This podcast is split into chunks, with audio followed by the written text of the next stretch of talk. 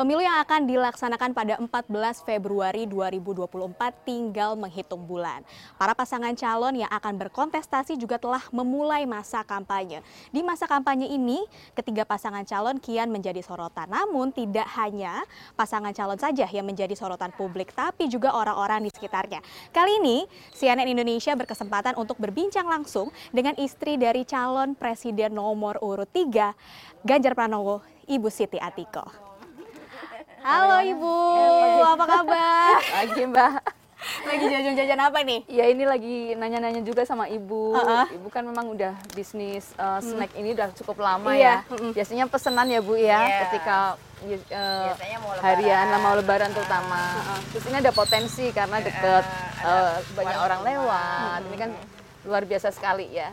Ibu apa kabarnya nih? Ini kan Iya. di tengah aktivitas yang Iya. mulai padat, semakin padat. Masih sempet nggak sih kulineran-kulineran kayak gini, jalan-jalan santai kayak gini? Ya justru kalau pas lagi uh, turun ke bawah, ketika ada kegiatan-kegiatan, disempetin kuliner. Hmm, ya oke. kan kalau makan kan nggak bisa ditunda ya bu ya. Dan sekalian juga mencicipi ah, yang khas di masing-masing daerah. Karena kalau kita lihat Indonesia kan luar biasa sekali ya. Betul. Dari sisi kudapan atau snacknya aja beda-beda banget. Oke, kalau buat Tiko sendiri melihat UMKM di Indonesia Ya. nih seperti apa sih? Apa yang harus kemudian dikembangkan supaya kita nih istilahnya bisa naik kelas gitu, bisa ke kancah global? Kalau dari sisi ekonomi sebenarnya UMKM di Indonesia itu merupakan penyumbang terbesar ya dari perekonomian menurut saya loh untuk terkait dengan penanggulangan kemiskinan, Yes. pemberdayaan masyarakat dan potensinya tinggi sekali. Kalau kita evaluasi mulai dari ketika krisis moneter tahun 98 sampai kemarin pandemi itu daya tahannya luar biasa. Ya. Ya. Kemudian tinggal dari kita semua stakeholder yang ada itu bagaimana bisa mensupport mereka. Biasanya kan yang pertama mereka itu perlu ada pendampingan ya Bu ya mungkin untuk ekspansi produk. Produk, Ya mungkin ada produk-produk yang lain itu ya. Ini kan sudah udah banyak nih. Beragam gitu ya. Ya, lebih beragam lagi. Kemudian eh, tambah lagi dari sisi pemasaran itu juga perlu pendampingan. Mulai mungkin diperkenalkan dengan digitalisasi. Bagaimana bisa eh, mereka itu melebarkan sayapnya dengan digital, misalnya dengan online itu Bu. Iya. Iya, terus peningkatan kualitas ya, mungkin nanti seperti kemasan udah bagus, tapi mungkin ada keterangan, Oh, oke. uh, uh, bahannya apa saja sih, Oh, iya, gitu. iya. Nah, mungkin ada logonya. ada logo, kemudian tanggal pembuatannya kapan, expirednya kapan, sampai ke izinnya, misalnya kayak PIRT, Iya. itu itu ya. Terus dari sisi permodalan, permodalan itu juga apakah uh, perlu pendampingan itu untuk akses terhadap modal, itu juga perlu di mapping itu mbak. Oke. Kalau untuk ke pemasaran yang lebih jauh, misalnya kayak ekspor, itu kan eh, yang dipersiapkan juga berbeda. Ya kita kan mungkin nanti memapping ini yang pasar lokal, ini, Ini yang- nasional, ini ini, yang yang ekspor. Kalau untuk makanan itu syaratnya kan juga banyak kalau Iya. untuk diekspor. Wah, tadi yang Ibu sebut nih ya, keliling juga untuk bersilaturahmi. Pasti sering Iya. sekali begitu ya Bu mene- menemui masyarakat yang menyapa. Seneng ya Iya. Bu ya? Oh, senang, senang. Ya kalau silaturahmi itu kan nambah saudara Betul. ya. Di situ juga kita jadi benar-benar tahu apa sih yang jadi permasalahan masyarakat. Kemudian potensi mereka Apa itu. aja. Iya, kalau masyarakat itu selalu welcome. Tuh, bener-bener deh. Tapi nggak merasa apa gitu, nggak apa-apa. Welcome aja gitu ya Bu selama masih ada Iya. waktu, kesempatan. Iya. Meladeni foto, nggak masalah. Ya, itu kan uh, bagian dari, kita kesenangan, bersilaturahmi. iya, masyarakat juga. Oke, Bu, ini kita sambil jalan nih menuju tempat janjian kita sebelumnya. Ya. Ini kan saya mau mengucapkan selamat dulu nih ke Ibu. Apa tuh? Berhasil finish strong di Borobudur Marathon. Oh, makasih, Belum Mbak. lama ini selamat Bu, 42 Makasih. km lebih Iya. dan ini bukan kali pertama finish di Iya. full marathon ya. Sebelumnya juga pernah di Tokyo ya Bu ya. Iya. Sama, yang Sama di Papa, Bandung iya, ya. Bandung. Ha-ha. Bu, apa sih yang kemudian bikin nagih gitu Ya. untuk full marathon lagi? Kadang kan oh udah pernah achieve nih, Ya. udah mungkin. Tapi apa yang membuat Ibu kemudian nagih? Eh, dengan maraton itu benar-benar mengajarkan kita determination ya. Determination ya. disiplin dan bahwa sesuatu itu harus direncanakan dengan baik dan melalui proses karena kalau eh, latihannya kurang itu juga akan mempengaruhi performa. Hmm, hmm. Jadi dari tiga itu saya benar-benar tahu. Iya. Yang di eh, Bandung itu kan saya baru pertama, Pertama, kali. betul. Mm-mm. 2022 ya. Pasti ya hasilnya bagus, tetapi eh, ketika finish ya capek gitu loh ya. Ah, berasa. Ketika ah. berasa, ketika Tokyo Uh-uh. itu latihannya benar-benar fokus. Oke, Jadi- awal tahun 2023 ya? Iya, Tokyo, Jadi uh-uh. tiga bulan itu saya benar-benar ya intens. Kemudian eh, jadi apa eh, finishnya juga bahagia, nggak rasa capek dan ini apa ya capek tapi masih masih Iya, bisa iya. kita ini ya toleransi. Kemudian eh, hasilnya juga bagus, Bagus, banget ya. heeh. Kemudian yang kemarin Ketiga, eh, Bormar itu perjuangan paling berat menurut saya. Oh, justru yang ketiga ini Iya. berat. Kenapa, Bu? latihannya kan memang agak kurang karena kan Oke, ya semakin iya. banyak kegiatan, Kegiatan, betul. kemudian yang kedua eh, ini naik turun Hmm. itu energinya jadi kita terkuras banget dari kemudian panas. lokasi ya. Iya. Oke. tapi tetap bahagia Bahkan kalau saya lihat di media sosialnya nih ya, Bu, selesai finish itu ada kegiatan lagi, senam Iya, lagi di senam. hari yang sama loh. ke Jogja kebetulan di Jogja Iya, ada acara di hari yang sama dan lokasinya cukup ya, Bu, ke Sleman ya kalau nggak Iya, salah ya. Sleman jadi di perjalanan come? tidur How come, Bu? Maksudnya udah lima jam lebih lari masih ada energi buat senam. Apa sih Bu tipsnya nih buat yang muda-muda kayak kita supaya kan sekarang anak muda nih suka istilahnya, "Aduh, jompo nih gue." Gimana, Bu, tips-tipsnya? Ya yang yang penting eh, jangan mager Oke. karena dengan olahraga kalau menurut saya ini ya Oh, Kalau jangan yang- mager. Kalau yang saya rasakan itu dengan olahraga kita sehat secara baik fisik maupun mental. mental. Bahagia. Karena ya bahagia. Misalnya lari ya, kita bisa lihat udara segar, bisa ketemu orang, bisa bicara dengan diri sendiri. Itu Oh. yang saya jadi kayak semakin kita mencintai Iya, diri iya, sendiri, iya, kita iya, semakin iya, paham iya. terhadap diri kita gitu, Ah, ah, ah. Mbak. Mengenal diri kita dalam proses berlari Iya, itu ya. Betul, betul. Terus Oke. eh, apa? Nice, ah. dari sisi ini juga ya kebugaran itu jelas lah jelas Jadi nggak gampang capek gitu ya, Bu ya. dan itu healing luar biasa Oke, jadi memang setiap orang tuh kan punya healingnya masing-masing. Iya. Healingnya Bu Siti Atiko ini adalah berolahraga, berlari gitu ya. Nah, apa benar Pak Ganjar ini coachnya Bu? Karena pas menyelamati Ibu nih di media sosial, nggak sia-sia ayah melatih sama ini. Tolong dikonfirmasi Bu, apa benar coachnya ini Pak Ganjar Ibu? kalau Ganjar ya sering nemenin kalau pas jogging kalau pas eh, ada waktu ya Oke, pas banget kita udah sampai. oke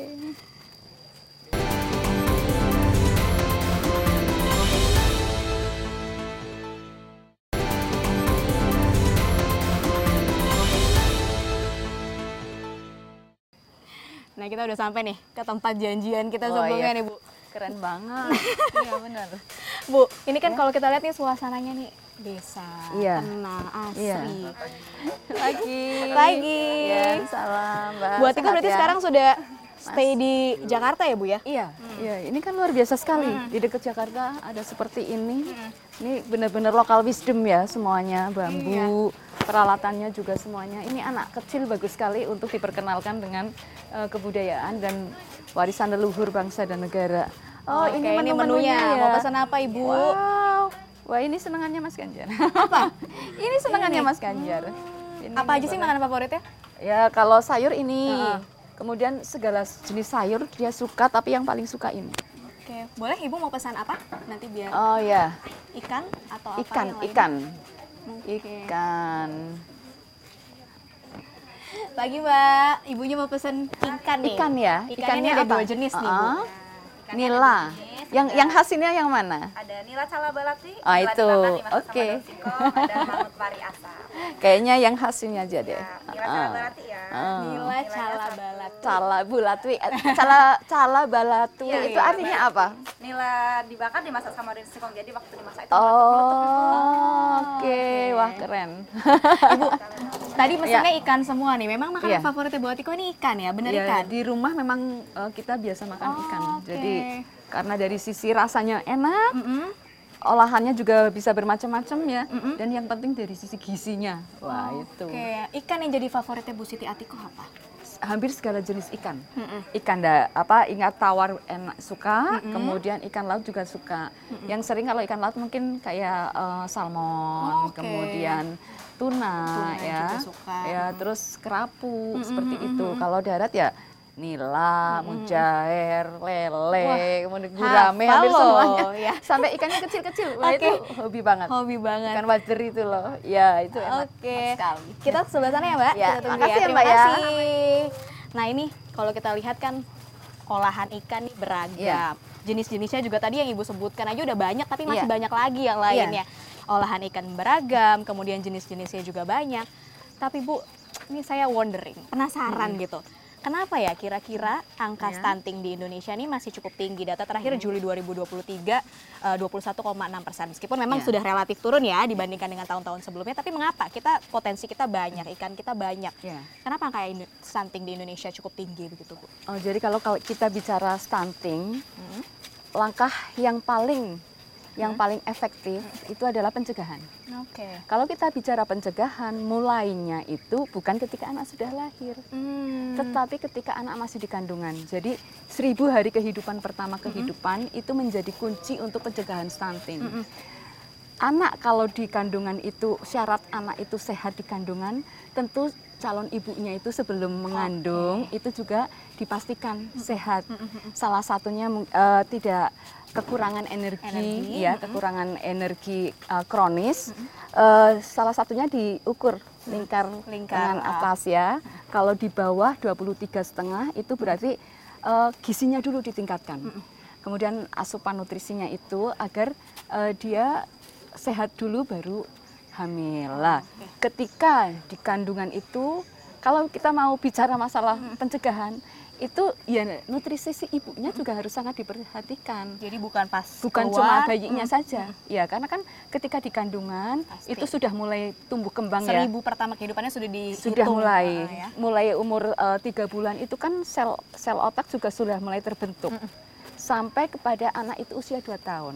Jadi eh, ketika melahirkan itu juga asi eksklusif harus ya Di, ah, ya dua kemudian mada- makanan pendamping asinya itu juga yang sesuai Nah, jadi gizi baik dari si ibu, Ibu maupun si maupun anak si itu benar-benar harus juga eh, diperhatikan bukan hanya dari Bukan sisi si hanya dari anak sisi si Ya. anak saja. Ya. Nah, tadi kan Bu Siti Atiko juga sudah cerita soal kegemarannya dengan Ya. ikan. Kita mau challenge tipis-tipis. Oke. Bu Atiko biar pilih mana sih ikan-ikan segar. Gimana tips-tipsnya Oke. memilih ikan-ikan yang Oke. segar? Sebelah situ ya, Bu. Ya, ya. Nah, pas banget kita udah di hadapan ikan-ikan nih, Bu. Ya. Ikan-ikan yang belum diolah. Boleh dong kasih tips-tips ke pemirsa yang nonton di rumah. Gimana sih memilih ikan yang segar? Begitu. Oke, Membedakannya gimana? Cara sederhananya Ya. ya, Mbak ya. Yang pertama kita lihat di matanya dulu. Oke, Nah, matanya dari mata. Iya, dari mata turun ke hati. Aduh. matanya gimana? Bening nggak? Gitu ya. Apakah sudah keruh? Oke. Kalau bening itu menanja, menandakan dia positif vibe kan. Oke, Nah, itu sehat, betul. segar. Eh, Kemudian titik hitamnya juga masih terlihat eh, jelas. Kemudian yang kedua, insang. Oh. Insang itu kan eh, fungsinya untuk pernafasan ya. Jadi oksigen masuk ke eh, tubuhnya tubuh si ikan. ikan, kemudian akan mengeluarkan CO2. Kenapa eh, ini insangnya itu harus warnanya merah segar? Oh, alah. Kenapa merah segar? Iya, Karena iya. ini akan pembuluh darah Oh, menandakan baru begitu ya, baru. Bu. Jadi Uh-uh. dia itu matinya baru sekali dan belum lama. Oke, Itu. Jadi segar Mm. eh, karena menunjukkan ini adalah sel pembuluh darah dari si ikan Mm-mm. untuk eh, memasukkan oksigen itu. Kemudian ciri yang ketiga, lah ini kulitnya glowing nggak? Wah, nggak hanya kulit Bu Siti. Atiko aja yang glowing, tapi kalau menunjukkan bagaimana ikan yang segar juga bisa dilihat dari keglowingannya ya. Iya glowing, nggak kusem. Aduh. Itu loh. Jadi ah, ya itu kayak nggak perlu skincare gitu loh. Oke. Beda ya sama kita ya. Tapi Bu ngomong-ngomong soal glowing nih Masih jadi ada nanya, lagi, na- nanya- belum oh belum selesai. selesai. Oke, lanjut Bu. Kemudian sisiknya, Heeh. sisiknya ini masih nempel nggak? Nempel I kuat nggak? see. Iya, Mungkin iya, iya. ibaratnya kalau kayak rambut itu, kalau yang sisiknya mudah rontok, itu berarti sudah nggak sehat. Nah, ini masih kuat sekali. Berarti ini juga benar-benar baru eh, diambil benar-benar subuh, eh, se- apa segar. segar gitu ya. Kemudian dagingnya, Daging. dagingnya kita ngeceknya dari perutnya nih. Kita tekan. Nah, tekan. Nah, ini kan kembali semula, elastis. Oh, elastis ya. Tapi kalau sudah nggak kembali semula, nggak elastis, dekok. Kalau bahasa Oh. Jawanya apa ya? Dekok itu, ha masuk. masuk, nggak kembali lagi. Itu juga menunjukkan eh, udah ada penurunan kualitas. Itu Mbak, paling Luar- gampangnya itu. luar biasa Jadi, kita dapat dari mata turun tips-tips ke hati. mulai dari matanya ke glowingannya dan lain sebagainya Positive vibe-nya. positive vibes-nya wah ikan ini kekinian nih kayaknya dia bu ya oke. Ya, itu Mbak. oke. Sambil nunggu kita geser ke sebelah sana bu. Oke, Ibu. Terima kasih ya Bu. Masih lanjut sedikit soal stunting yang tadi nih Bu. Nah di Jawa Tengah itu Ibu dan Pak Ganjar pernah mendapatkan penghargaan atas angka penurunan stunting yang tinggi begitu ya di Jawa Tengah. Boleh ceritakan sedikit soal itu Bu? Dan kira-kira gimana ya agar ini tuh juga bisa berimplikasi ke level nasional nanti jika uh, kemudian Ibu Bapak terpilih dan Ibu menjadi Ibu negara gitu Bu. Kalau terkait dengan pencegahan stunting perlu eh, diperlukan kolaborasi dari seluruh pihak ya, mulai dari eh, yang ada di grassroots, kemudian pemangku kebijakan dan eh, kelompok elemen masyarakat yang lain. Jadi ada awareness, awareness bahwa pencegahan stunting itu adalah tanggung jawab bersama. Karena ini akan menentukan juga kualitas dari negara kita. Karena kalau stunting itu kan jadi stunting itu kan kondisi eh, gagal tumbuh ya karena efek kurang- gizi yang eh, kronis eh, jadi bukan cuma sekali dua kali tetapi memang kronis atau karena terjadinya infeksi yang berulang. Nah, ini eh, tentu kita harus memahami juga bahwa salah satu cara terbaik untuk eh, pencegahan stunting itu yang pertama pemberdayaan ekonomi dari masyarakat, kemudian sanitasi juga. Jadi ad- memang itu adalah faktor kekurangan gizi, tetapi penyebabnya itu kan bermacam-macam. Jadi kalau misalnya eh, kalau kita keroyok bareng-bareng mulai dari keluarga itu juga berdaya secara ekonomi, kemudian akses terhadap gizinya juga bagus, edukasinya juga paham untuk ibu yang ketika mengandung, termasuk juga support sistemnya keluarganya itu bisa paham juga bahwa eh, kadang kan kalau misal mohon maaf, kadang ada morning sickness-nya. Oke. Jadi kadang Oh, ada ya ada seolah-olah itu nggak apa-apa deh nggak makan namanya jabang bayinya nggak kepingin gitu. Padahal tetap harus dipaksakan bagaimana caranya. Termasuk juga bagaimana remaja putri itu mendapatkan eh, asupan Asupan yang baik. ya asupan yang baik dari misalnya zat gi- eh, FE Besi ya, zat besi, zat besi, itu FE seperti penting. itu Eh, setelah itu kita keroyok bareng-bareng untuk bisa dilakukan secara baik Mbak. Ya. Nah, kalau tidak hanya stunting dalam berbagai program sebelumnya juga Bu Atiko ini eh, informasi yang kami dapat melibatkan ibu-ibu PKK gitu, banyak dilibatkan. Iya. Kira-kira bagaimana Bu? Apakah ini juga eh, akan terus ditingkatkan lagi di level nasionalnya dalam berbagai program? Ya, eh, ujung tombak kita di tingkat grassroots tentu salah satunya adalah posyandu. Karena di posyandu itu nanti bisa mengedukasi masyarakat terkait dengan anak. Misalkan di sana ada eh, bina keluarga balita, keluarga remaja. Remaja diedukasi masalah gizi. Kemudian eh, untuk manulanya, untuk lansianya itu juga ada senam sehat dan sebagainya. Nah, tentu agar posyandunya itu kuat, itu seluruh elemen masyarakat sekali lagi karena gotong royong itu kunci yang ada di Indonesia. Seluruh elemen masyarakat juga mensupport. Mensupport terkait dengan misalnya untuk kader-kader itu eh, capacity buildingnya juga ditingkatkan terus. Misalnya terkait dengan stunting sebenarnya apa saja di, di tingkat grassroots yang harus dilakukan? Karena mereka kan punya data. Berapa remaja di situ? Karena sampai tingkat dasar wisma ya berapa, berapa jumlah remajanya? Yang mau nikah berapa? Yang sudah nikah berapa? Umur kandungannya berapa? Mereka mengingatkan juga untuk si ibu calon ibu itu uh, untuk datang ke posyandu. Ketika sudah lahir itu ditimbang. Jadi kalau terjadi sesuatu itu deteksi dini. sejak Se- awal. Dari awal, deteksi dirinya dari awal. Misalnya, loh ini sudah usia tiga bulan, kok berat badannya masih sekian, panjangnya kok tidak sesuai dengan seperti yang lainnya, tidak sesuai standar. Lah kalau intervensinya sedini mungkin, itu tentu hasilnya akan lebih bagus.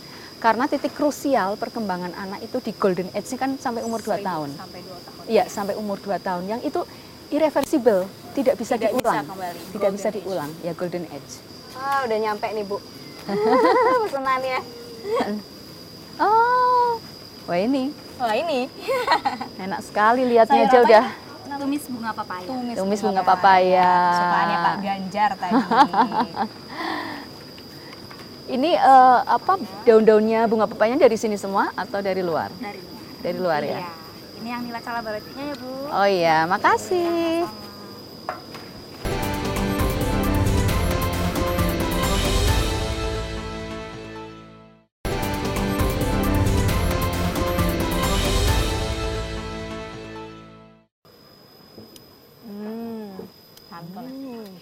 Seger, Seger ya, Bu ya. Seger ada pedesnya, Pedesnya, ada gurihnya, gurihnya, sepakat. Benar.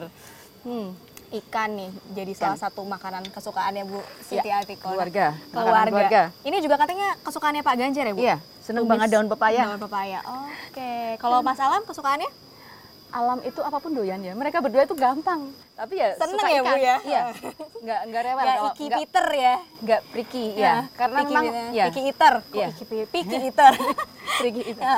Jadi eh, itu juga ada sebenarnya ada teorinya ya Iya. agar anak itu karena anaknya masih kecil ya. Iya. Jadi ingin berbagi tips Tips sedikit. gitu. Jadi ketika anak itu lagi mulai mengenal rasa, kita itu mengenalnya rasa bahan baku, bukan rasa bumbu.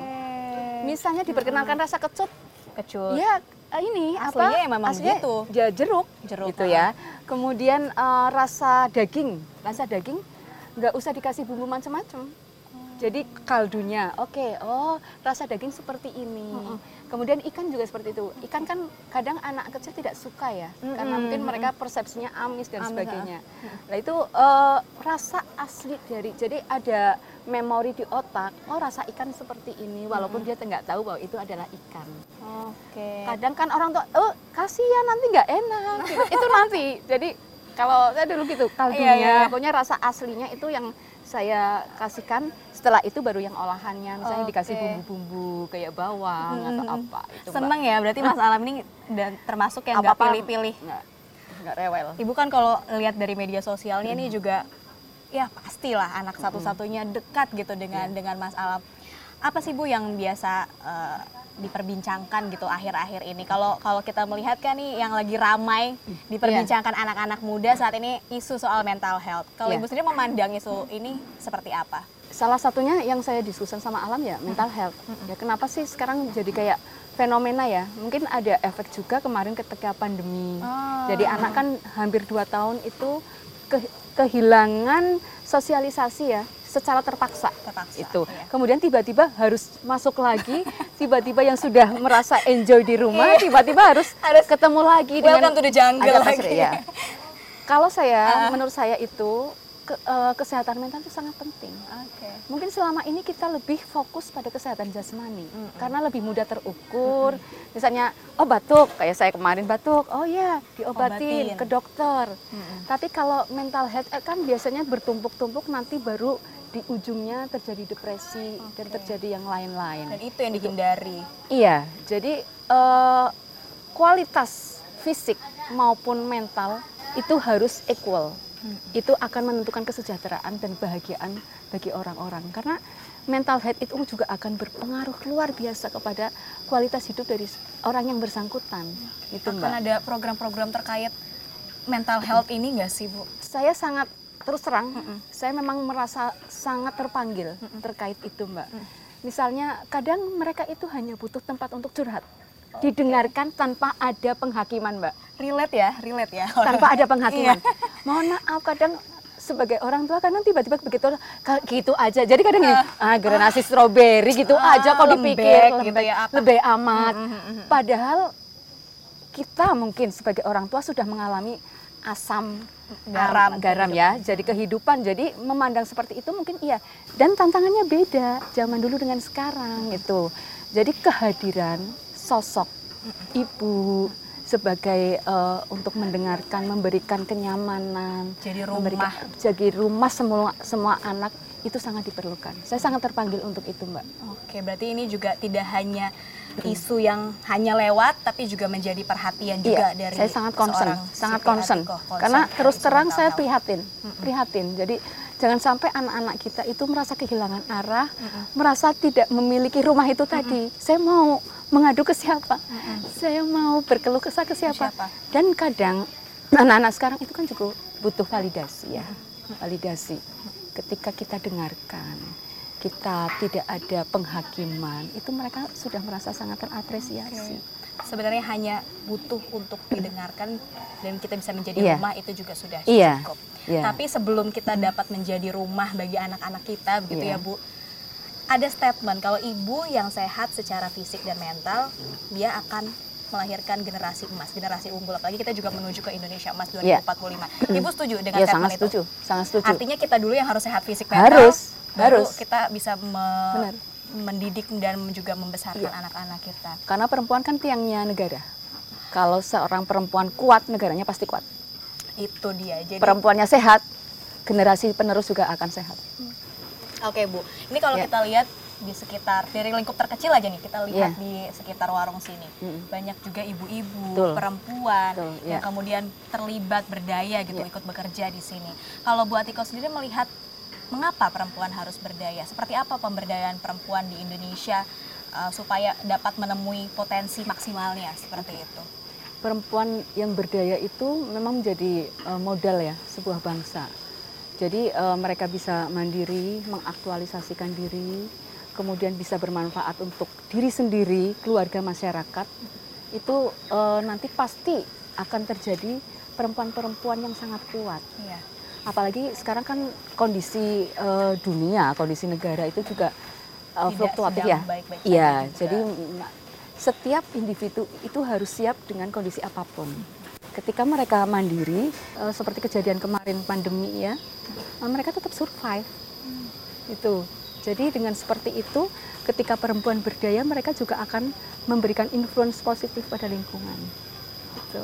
Sering bahas topik ini juga nggak sih dengan Pak Ganjar? Oh iya, Dan karena- bagaimana kemudian pandangannya Pak Ganjar soal ini gitu Bu? Kalau Mas Ganjar sangat pro ya, karena ketika eh, di provinsi ketika eh, jadi gubernur itu kan ada musrenbang prof Oke, ya. yang mendapatkan porsi pertama untuk menyampaikan aspirasi itu perempuan, difabel dan anak, karena Iya. mereka kelompok rentan. Itu, Bahkan Mbak. ada salah satu statement yang menarik dari Pak Ganjar yang saya juga tangkap gitu ya Bu. Kalau ada eh, istilahnya dalam satu jabatan misalnya nilainya sama nih, Iya. tapi ada laki-laki ada perempuan, meskipun nilainya sama biasanya Bapak lebih milih yang perempuan perempuannya. diberi kesempatan kepada yang perempuan. Oh, ya. oke. Tapi ketika perempuan diberi kesempatan juga mereka sangat bertanggung jawab kok.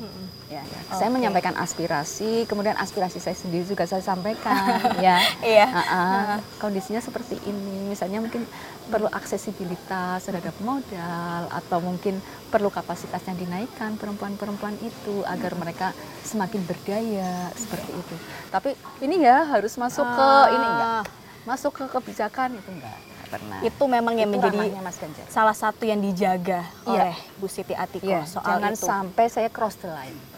Ini ada line-nya nih. Mm-mm. Ini line sebagai suami, Suami, tapi sebagai- ini sebagai uh, masyarakat pejabat apa- publik. ya, pejabat publik itu tidak boleh cross. apalagi pastikan maksudnya bisikan atau suara-suara dari luar sana mungkin banyak gitu ya Bu apalagi Iya. menjabatnya kan Bapak dua periode yang lalu Iya. tapi selalu Ibu jaga soal hal Iya. itu Insya Allah saya konsisten seperti itu. Dan akan terus seperti Insya itu iya. jika Bapak terpilih Iya, artinya pada 2024. Oke Bu, tadi ngomong juga soal apa yang sedang berkembang di masyarakat. Tidak hanya soal pemberdayaan perempuan, tapi ini juga banyak isu dan juga banyak kejadian yang sedang ada di luar sana soal kekerasan perempuan. Oke. Ya. Bagaimana Ibu melihat hal ini? Apa yang bisa diperbaiki sih Bu dari sistem kita supaya kita bisa sama-sama menjaga lah istilahnya. Jadi kekerasan perempuan itu kan sebetulnya melanggar hak asasi manusia ya. Dan ini juga menjadi topik yang selalu menjadi prioritas eh, dari PBB juga termasuknya karena masih menjadi PR. Oke. menjadi PR luar biasa ya. Tidak selalu korban itu adalah orang yang ketergantungan secara ekonomi, orang yang lemah. Tapi sekarang juga fenomenanya banyak. Perempuan-perempuan alfa itu juga menjadi korban. Jadi berarti memang semua itu memiliki potensi untuk menjadi korban. Nah, bagaimana kita sebagai perempuan, sebagai individu itu juga bisa membentengi diri. Hmm. Kita bisa mengenalikan tanda-tanda toxic relationship itu yang seperti Oke. apa. kapan kita membutuhkan penanganan ya dari pendampingan dari ahli, kapan kita harus curhat seperti itu. Yang paling penting kalau bagi si calon eh si si korban itu dia mau speak up. Kalau nggak speak up nggak ada yang tahu. Minimal curhat. Curhat Kayak kepada gini gitu ya Hmm. cerita gitu. curhat pada orang yang bisa dipercaya. Ya, bisa menjaga rahasia dan curhatnya itu tidak saat eh, yang pelakunya itu ada di situ. Dalam banyak kesempatan Ibu berarti sering juga bicara soal hal ini gitu Oh ya iya, dalam iya. Mengapa ini menjadi perhatian gitu salah satunya? Ya karena Ya, itu kalau misalnya ini pasangan ya, pasangan suami istri itu, kalau orang yang mencintai nggak akan menyakiti, mbak. Apalagi menyakiti fisik, Uh-uh. Itu nggak akan. Karena kita memiliki komitmen untuk bersama-sama ke eh, tujuan yang tujuan yang ya. sama. Ini banyak sekali tadi perbincangan kita ya, mulai dari eh, pencegahan kekerasan pada perempuan, pemberdayaan perempuan, kemudian juga tadi mencegah stunting, makanan kesukaannya Bu Siti Atiko dan keluarga juga nih ya Bu. Dan bagaimana kemudian Bu Siti Atiko juga sebagai eh, istri dari salah satu eh, calon presiden yang akan melaju di kontestasi ini berusaha menjaga batasan-batasan seperti Ya. tadi Ibu sebutkan ya Bu ya, tidak ada intervensi dan lain sebagainya. Terima kasih perbincangannya dengan CNN Indonesia Makasih, pada Mbak. kali ini semoga kita bisa berbincang lagi di lain kesempatan Oke, ya Bu Mbak. ya. Olahraga bareng kali ya Oke, Bu ya iya, next ya. Keren tuh. Biar sama-sama sehat. Oke betul. Silakan Bu kita Oke, lanjut kali ya makasih. Bu.